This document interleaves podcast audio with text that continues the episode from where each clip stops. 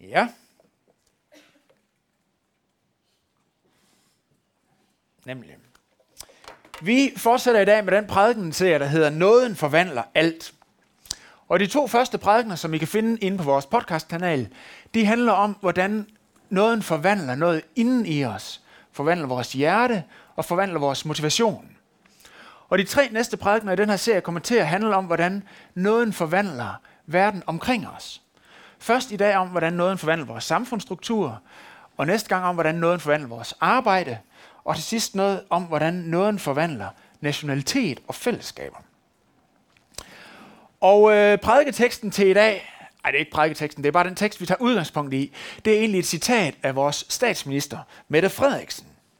Hun sagde nemlig sådan her til en forespørgselsdebat i Folketinget den 17. januar, altså for godt, kort tid siden.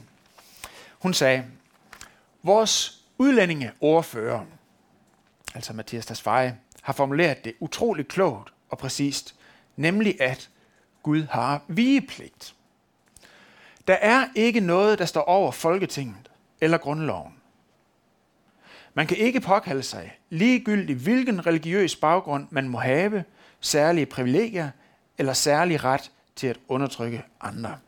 Citat slut. Og fair nok, hun har ret i, at religion ikke giver særlige privilegier, og der er slet ikke ret til at undertrykke andre. Det kan vi hurtigt blive enige med hende om. Men alligevel, Gud har vigepligt for, for Folketinget. Really? Og det er selvfølgelig svært at være statsminister, og man må give Mette Frederiksen, at de her spørgsmål er nogen, alle politikere i Europa har svært ved at finde ud af, hvordan de skal forholde sig til religion, som lige pludselig er mere end bare klassisk kristendom, og hvad har vi? Så det er ikke nemt for hende at navigere i det her. Det må vi give hende. Men jeg synes, de her udsagn og mange andre ting i den offentlige debat rejser nogle spørgsmål, som kræver svar. Hvis nu statsministeren i stedet for havde sagt, alle har vigepligt, er vi så enige? Er vi så som kristne egentlig enige? Ønsker vi, at samfundet skal ledes efter Bibelen? Altså der står for eksempel i øh, Romrevet, syndens løn er døden.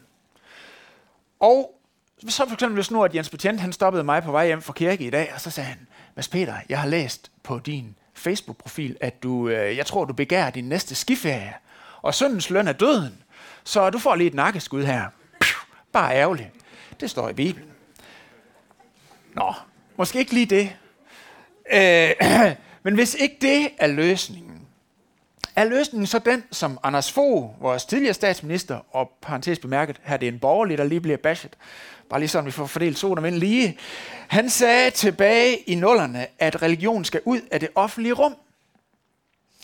Betyder det så, at vi egentlig er enige med Mette Frederiksen i, at Gud må vige med det lille forbehold, at Gud godt må få lov til at være i det skjulte, lille, private rum, så længe det på ingen måde påvirker vores offentlige agering eller ageren uden for lønkammeret. Ah, det er måske heller ikke lige det, det vil sige at være disciple af Jesus. Og spørgsmålet er, er det her udsagn med Gud har vigepligt ikke også en logisk kortslutning, uanset om man tror på en Gud eller ej, at hvis der var en Gud, hvilket vi er overbevist om, der er, en Gud med stort G, som har designet og skabt alting, som var før alting og forstod alting, før vi havde gennemskuet to-tabellen, ville det så ikke være en logisk kortslutning at sige til den Gud, og oh, Gud, nu må du lige lade dig reducere, øh, hvis du er pæn lige og flink at tage en plads i vores liv, som cirka svarer til øh, hobbyen, det måtte være, og samle på frimærker, hvis du lige vil lade dig reducere. Det giver ikke mening at tale om en Gud, som rent faktisk findes, som må have vigepligt. Så hvor lander vi lige problematikken med de her spørgsmål? Og jeg vil være så flink i dag at starte med slutningen, og I får lige konklusionen på prædiken med det samme. Konklusionen, eller den øh, tese, som jeg vil øh, prøve at arbejde ud fra, er, demokratiet har vigepligt for Gud. Amen. Fra demokratiets skyld. Ja. Og det vil jeg underbygge ud fra tre overskrifter. Dels, hvad kristendommen ikke mener om dets plads i samfundet, hvad kristendommen egentlig mener om dets plads i samfundet, og til sidst, og det er det sjoveste, hvordan nåden forvandler samfundsstrukturer. Og øh, de to første punkter her vil jeg prøve at holde et, højt, holde et højt tempo, for at vi kan få tid til at øh, dvæle ved det sidste. Men først, hvad kristendommen ikke mener. Og der er et ord, som jeg gerne vil introducere for jer i dag. Jeg har I sikkert hørt mange af jer før, men jeg synes, det er vigtigt for lige at kunne øh, forholde sig til det. Kan du hjælpe mig med et øh, skridt frem på den her? Den er død. Nå. Anyway, ordet er teokrati.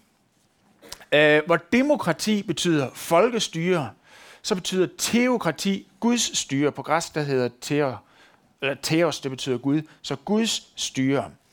Altså tanke om, at landets øvrighed skal styres af Gud gennem konger, profeter eller en religiøs overklasse af præster. Og et eksempel fra vores tid er Iran. I Iran er der et øh, 100% gennemført teokrati. Den øverste åndelige leder, Ayatollah Ali Khamenei, jeg synes altid, det er svært at udtale, Khamenei, han kan omstøde parlamentets beslutninger og kontrollere i øvrigt øh, retsvæsen, medier, politi og militær. Og i Irans grundlov fra, øh, fra 1979, der står, at islamisk lov, altså shariaen, er over alle andre love i samfundet. Det er teokrati. Men hvis vi siger som kristne, at Gud står over landets love, er det så egentlig ikke et teokratisk synspunkt? Hmm. Da jeg gik i gymnasiet, der var der et øh, tidsskrift, et magasin, der hed Chili. Det var sådan lidt venstreorienteret og ateistisk. Og de havde på et tidspunkt en artikel, jeg læste de her magasiner, øh, de havde på et tidspunkt en artikel, øh, som til Sydland skulle forsøge at få skovlen under kristendommen. Og til det formål, der havde de fundet en række bibeltekster fra Gamle Testamente med klart teokratiske træk, som de hævdede var gældende for kristendommen i dag. Og indrømmet, på gammeltestamentlig tid, der var Israel et teokrati. Moseloven består af tre typer af love. Dels morallov, dels ceremonielle love og dels samfundsmæssige love. Morallov det er for eksempel, du må ikke slå ihjel, eller du må ikke stjæle. Ceremonielle love handler om de her ofringer, der var i templet og forskellige renhedsforskrifter. Og samfundsmæssige love handlede om, hvordan staten Israel skulle styres. Men hvis man læser Bibelen i sin sammenhæng, så vil man komme til at bemærke en person, som står ret central, ham der hedder Jesus, og at der skete noget ret afgørende dengang han kom. Der skete ikke det, at han ophævede morallovene. De gælder stadigvæk. Det er stadigvæk ikke okay at slå ihjel. Men de ceremonielle love og de samfundsmæssige love har overskrevet deres udløbsdato. Der skal ikke udføres flere ofringer, for Jesus er det afsluttende og ultimative offer for al synd i fortid, nutid og fremtid. Og Guds folk er ikke længere kun begrænset til det etniske Israel, men alle folkeslag er inviteret med ind og være en del af Guds folk. Så demokratiet, eller teokratiet har overskrevet sin udløbsdato. Og kristendommen er i modsætning til klassisk islam ikke et teokrati. Men hvad er det så? Og der vil vi gå videre til at se på, hvad kristendommen egentlig mener. Og vi skal se på en tekst fra Bibelen, som igen og igen bliver ved med at overraske mig ved sin klarhed til at få de her spørgsmål til at falde på plads i mit eget lille hoved. Og det er fra Romerbrevet kapitel 13. Der står, alle skal underordne sig under de myndigheder, som står over dem. For der findes ingen myndigheder, som ikke er fra Gud. Og de, som findes, er forordnet af Gud. Og den, som sætter sig op imod dem, der har en myndighed, står derfor Guds ordning imod. Og de, der gør det, vil pådrage sig dom. De styrende skal jo ikke skræmme dem, der gør det gode, men dem, der gør det onde. Vil du slippe for at frygte myndighederne, så gør det gode, og du vil blive rost af dem. Fordi er Guds tjenere til dit eget bedste. Men gør du det onde, må du frygte. Ikke for ingenting bærer myndighederne svær. De er Guds tjenere og skal lade vreden ramme dem, der gør det onde. Derfor skal man underordne sig ikke for vredens, men Ikke kun for vredens, men også for samvittighedens skyld. Derfor betaler I også skat. Og de styrende er Guds tjener, når de tager vare på det. Ja, den må vi lige synge en gang. Ja. Giv alle, hvad I skylder dem. Den, der har krav på skat, skat. Den, der har krav på 12, 12. Den, I skylder frygt, frygt. Og den, I skylder ære, ære. Jeg synes, det her det er yderst interessant. I det her stykke, der får vi fortalt, at Gud faktisk har forordnet samfundets myndigheder. Og det, der er rigtig sjovt at tænke på, det er, hvad for en sammenhæng det her det er sagt ind i. Det er ikke sagt ind i øh, en sammenhæng, hvor der var en gudfrygtig dansk konge, som der var øh, i perioder i middelalderen. Eller det er heller ikke sagt ind i en sammenhæng, hvor der er en god, øh, demokratisk valgt regering. Det er sagt ind i en sammenhæng, hvor kejseren sidder i Rom og er totalt ugudelig og, og gør alle mulige skøre ting. Ikke? Men det her, det viser os noget om, at Gud styrer verden, så at sige, med to hænder. Og hvis nogen af jer har læst meget Luther, så vil I vide, at det er det, som Luther kalder to regimente læren. Altså to forskellige magtorganer, kan vi sige. Nemlig gennem samfundets myndigheder og gennem kirken. Og samfundets myndigheder styres efter Guds naturlige åbenbaring. I skabeordninger, i fornuften og i samvittigheden. Mens at kirken navigerer efter Guds særlige åbenbaring i Bibelen. Formålet med myndighederne er at forhindre verdens forfald ved at opretholde retfærdighed og dæmme op for ondskab. Så man er bange for at gøre noget forkert. Ikke? Man skal ikke øh, slå ihjel, fordi så øh, kommer der nogen efter en. Det er godt, at der ligesom er et eller andet til at holde styr på det, ikke? Mens kirkens formål er ikke at forhindre verdens forfald, men at forvandle verden ved Guds nåde. Myndighedernes middel er svært, som der stod i teksten. Myndighederne har ret til magtanvendelse, til at sætte i fængsel, eller hvad det nu måtte være. Mens kirkens øh, middel er ordet og ånden, der virker i gennem sakramenterne og de kristnes tjeneste. To forskellige måder, som Gud han virker ind i verden på. Så kirken skal ikke lede samfundets lovgivende, udøvende og dømmende magt, og samfundets myndigheder skal ikke lede kirkens anlægner. Men Gud leder på forskellige måder de her to instanser. Og begge skal stå til regnskab over for Gud også. Og så faldt jeg over et citat, som jeg synes er ret fantastisk. Det er Paul Hartling, som er tidligere statsminister og øh, FN's flygtningehøjkommissær. Paul Hortling han sagde i en grundlovstale i 1957 følgende. Der er en lov, som er over politikerne. Hvad der er ret og uret, det skal ikke vedtages ved den lovgivende forsamling. Det er givet og det skulle gerne komme til udtryk i alt, hvad denne forsamling foretager sig. Det er nødvendigt, at lovgivningen er i overensstemmelse med de ti bud, til ingen kan lægge en anden grundvold end den, der er lagt. Det afspejler den forståelse, at der i skabningen er lagt nogle skabelsesordninger ned, og der er noget, der er godt, noget, der er ondt, der er noget, som, vi, som samvittigheden vil navigere efter. Så hvis vi skal opsummere, så kan vi sige, at kristne skal ære og bede for samfundets myndigheder og adlyde dem, så længe de ikke forhindrer os i at gøre det, som Gud kalder os til. I tilfælde af det, så skal vi adlyde Gud mere end mennesker. Så tilbage til statsministerens udsagn om vigepligt i forhold til Folketinget. Som kristne må vi sige, ja, vi har vigepligt i forhold til Folketinget, vi skal underordne os Folketinget og samfundets myndigheder. Men hvad må Gud siger til at få at vide, at han har vigepligt?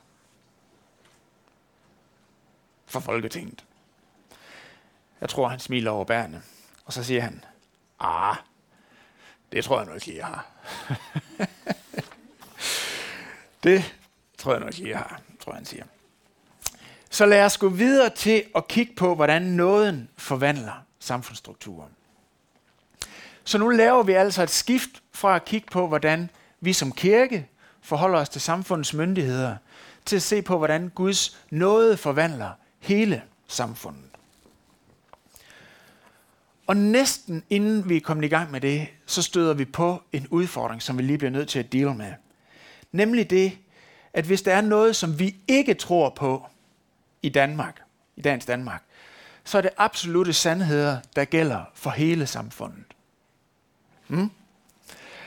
Vores tid, som er, bliver kaldt den postmoderne tid, hævder, at tidligere tiders forestillinger om universelle sandheder, altså sandheder, der gælder for alle, det vil være politisk, national eller religiøs, at sådan nogle sandheder dybest set er udtryk for et magtspil, der bruges til at undertrykke andre.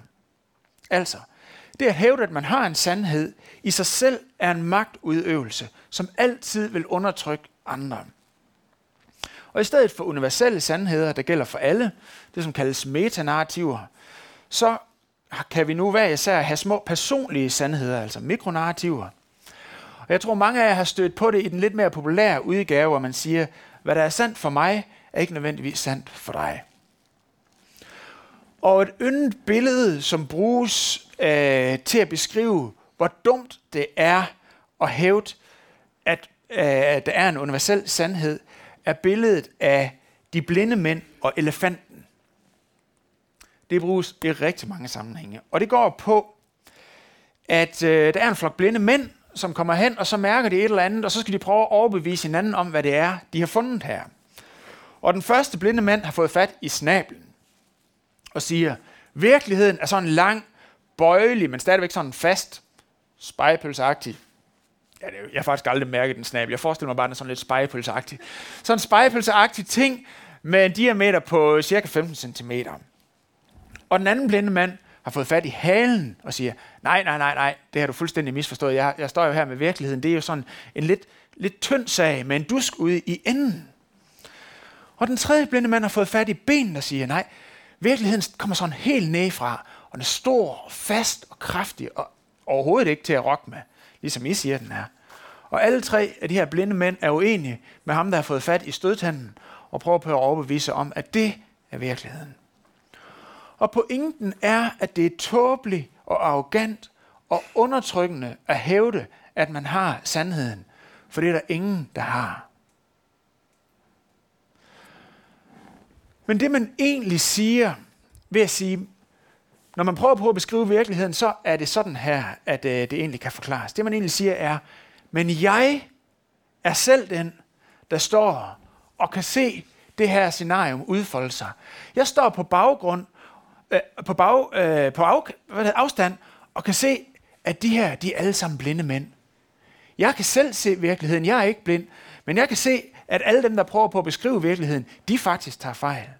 Jeg ser hele virkeligheden. Og alle bør abonnere på min opfattelse af, at det er sådan, det er. Alle andre er blinde og tåbelige mænd. Nej. Problemet er bare, at hvis man hævder, at det er sandheden, og at alle bør abonnere på det, så bliver det præcis lige så ikke inkluderende og undertrykkende som alle andre sandheder. Hvis det er hævde, jeg har fat i sandheden, alene øh, er et magtspil, så er det at hævde, at der er ingen sandhed, kun magt, lige så meget et magtspil. Og det triste er så bare, at dem, der siger, at altså, man kan ikke hæve noget som helst om nogen som helst ting, de slet selv er i kontakt med, at det faktisk er lige så fundamentalistisk et verdensbillede, som de kræver, at alle andre abonnerer på og godtager. Så en opsummering. En hver sandhed, og det må man jo give de postmoderne filosofer ret i, en hver sandhed kan bruges som magtudøvelse. Ikke?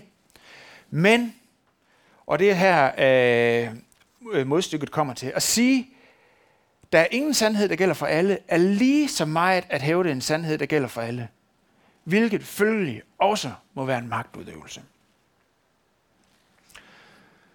Så uanset hvilket verdensbillede man har, så vil det være et verdensbillede, som i et, man i et eller andet omfang mener må gælde for alle, og alle må godtage. Så spørgsmålet må derfor i stedet for være, hvilken sandhed skaber det bedste samfund? Hvilken sandhed skaber det bedste samfund?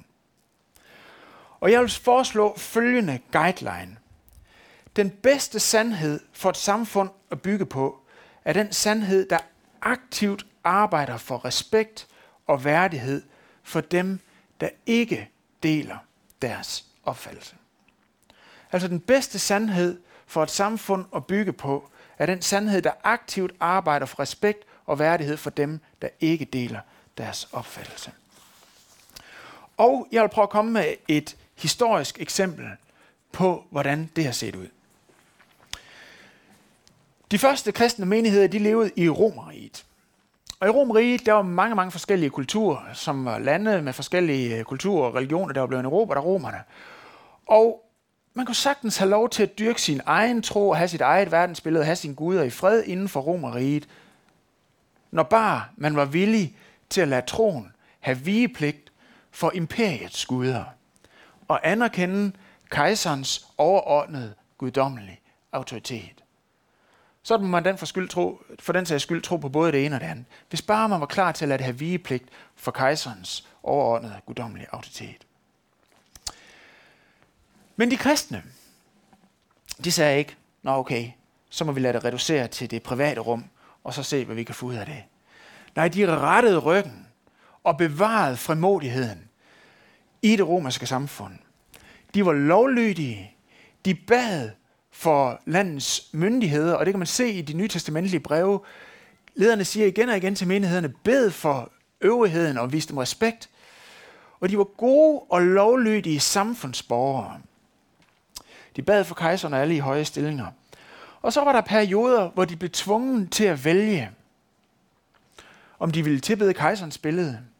Og de valgte selvfølgelig ikke at tilbede kejserens billede, fordi det var ikke overensstemmelse med den uh, Gud, som de tjente. Og så blev de chikaneret. De blev behandlet uretfærdigt. Og en gang så blev de slået ihjel. Og, kære venner, det må man tage med, hvis man er kristen. At man kommer ud for det. Så sådan er det. Der er en fyr, der hedder Rodney Stark. Han er sociolog, altså en, der arbejder med samfundets strukturer og sociale dynamikker. Han er ikke kristen, men han har skrevet en bog omkring den tidlige kirke, der hedder The Rise of Christianity. Og når han skal prøve at beskrive nogle af de dynamikker, der var omkring de første kristne, så fremhæver han blandt andet følgende. Nemlig, da der i år 165 og 251 efter Kristus var nogle voldsomme epidemier i Romeriet. Epidemier, der var så voldsomme, at en tredjedel af alle borgere i, øh, i Romeriet døde simpelthen af de her sygdomme det er virkelig voldsomt. Så kan vi sige SARS go home. Altså det er virkelig, virkelig, virkelig voldsomt. Og selvfølgelig kan man sagtens forestille sig, at folk gik i panik over det, når folk døde i så stort tal. Folk flygtede simpelthen fra byerne. Men det, som Rodney Stark han fremhæver, det er, at de kristne, de blev tilbage og plejede de syge og de døende med deres eget liv som indsats. De navigerede simpelthen efter noget helt, helt andet der. Og når nøden ramte, så var de kristne solidarisk over for hinanden. De hyttede ikke deres egen skin inden for deres egen slægt, som ellers var det, der var, men de var solidariske over for hinanden. Og det gjorde det kristne fællesskab utrolig attraktivt. Og en anden ting, som Rodney Stark han fremhæver, det var den måde, som kvinder blev behandlet på i de kristne fællesskaber. De blev behandlet med samme værdi som mænd hvilket var meget målkulturelt i det romerske samfund. I det romerske samfund var det, der hed infantesi, meget udbredt. Altså det, hvor man slår sin egen spædbørn ihjel. Og det var særligt øh, pigebørn, der blev slået ihjel, for de var ikke i så høj kurs. Så nu dræbte man simpelthen kort efter, de var blevet født. Men det gjorde de kristne ikke, for det var ikke lige i overensstemmelse med deres verdensbillede. Og det gav selvfølgelig kvinderne en langt højere værdi og status i de kristne fællesskaber. Og den sidste ting, som jeg vil trække frem her, der er rigtig mange ting, som Rodney Stark nævner, men den sidste ting er, at kristne havde en ikke voldelig tilgang til forfølgelse for staten. Og det underbyggede selvfølgelig troværdigheden af deres vidensbyrd. Undertitlen til Rodney Starks bog er lidt lang. Den er sådan her på dansk. Hvordan den obskure og marginaliserede Jesus-bevægelse blev den dominerende religiøse magt i den vestlige verden på nogle få århundreder. På 250 år så voksede kirken til over 50 procent af befolkningen i Romeriet. Uden centralt styret organisation, uden nogen privilegeret øh, øh, platform i samfundet, uden stærk økonomi, forvandlede samfundet indenfra. De første kristne var den spirende begyndelse til det, der blev et langt friere samfund end Romeriet. Og i dag, der står værdier som menneskeværd og demokrati stærkest i de dele af verden, hvor kristendommen i århundreder har præget kulturen. For eksempel i vores eget kære Danmark. Hvad er grunden til det? Jeg vil prøve at dele et par perspektiver. Hvis Bibelen var en beretning om, hvordan de moralsk stærke, de moralsk uangribelige, dem der gjorde det godt, fortjente deres egen frelse ved at gøre det godt, som tro følger af, af Gud eller sådan et eller andet. Så vil den beretning have favoriseret de dygtige, de kompetente, de, øh, de privilegerede. Men Bibelen er en lang beretning om, hvordan Gud ved sin nåde opsøger mennesker, der ikke søger ham. Det er en beretning om, hvordan Gud opsøger mennesker, der ikke har gjort sig fortjent til hans nåde. Og der er mennesker, der konstant modsætter sig hans nåde. Mennesker, som ikke værdsætter hans nåde, når de først er blevet frelst af den. En lang beretning om den tilgang. Men det er mere end det. Det er en beretning om, hvordan Gud selv, Gud der selv var privilegeret og ikke havde nogen som helst øh, egoistisk øh, guldråd til at gøre det, selv blev født ind i en fattig familie, levede blandt marginaliserede, stod op imod et korrupt system og døde en uretfærdig død i afmagt. Og vi kristne tror, at netop det, netop det, at han gjorde det, befriede os fra synd og straf. At vi i Guds at, vi, at os, der i Guds øjne selv var fattige og magtesløse, blev reddet ved, at Gud for vores skyld blev fattig og magtesløs. Og ja, selvfølgelig kan absolut sandhed bruges til at undertrykke andre. Men hvad, hvis den absolute sandhed handler om en mand, der døde for sine fjender, og som ikke gengældte vold med vold, men med tilgivelse. Hvad hvis den historie er centrum for vores liv? Hvis det er det, så kan det aldrig lede os til magtmisbrug. Og en ting mere. Ja, det er rigtigt, at mennesker, som hævder, jeg har sandheden, let kan blive selvretfærdige og selvhævdende og så videre og se ned på andre. Men ved I hvad? Som kristne, der har vi lært at bekende, at vi selv har gjort det forkert imod Gud, ved at gøre forkert imod mennesker, der er skabt i hans billede. Kristne ved, at vi selv har været uretfærdige, og vi selv har et uretfærdigt hjerte, men ikke desto mindre er frelst og elsket af Guds varme, kærlige og trofaste nåde. Og derfor kan vi konfrontere uret med mod og med klarhed, ja, men aldrig med selvretfærdig nedladenhed. Det vil simpelthen være en modsigelse af den sandhed, vi bygger vores liv på.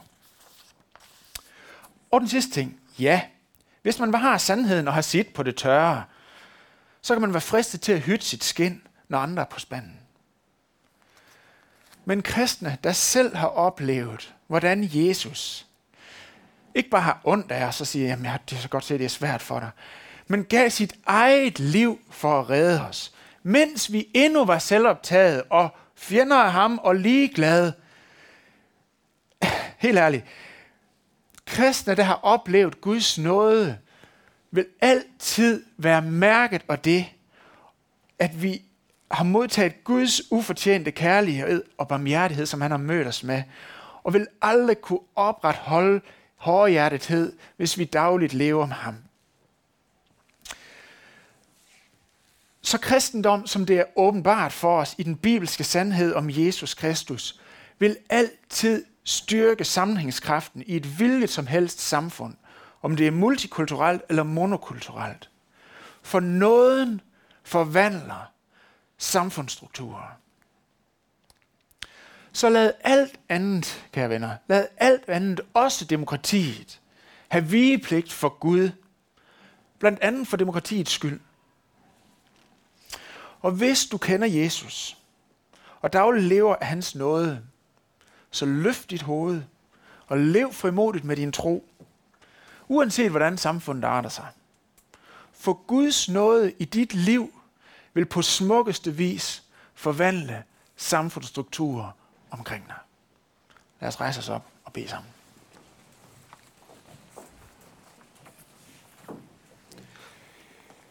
Jesus, vi vil ære dig som vores konge.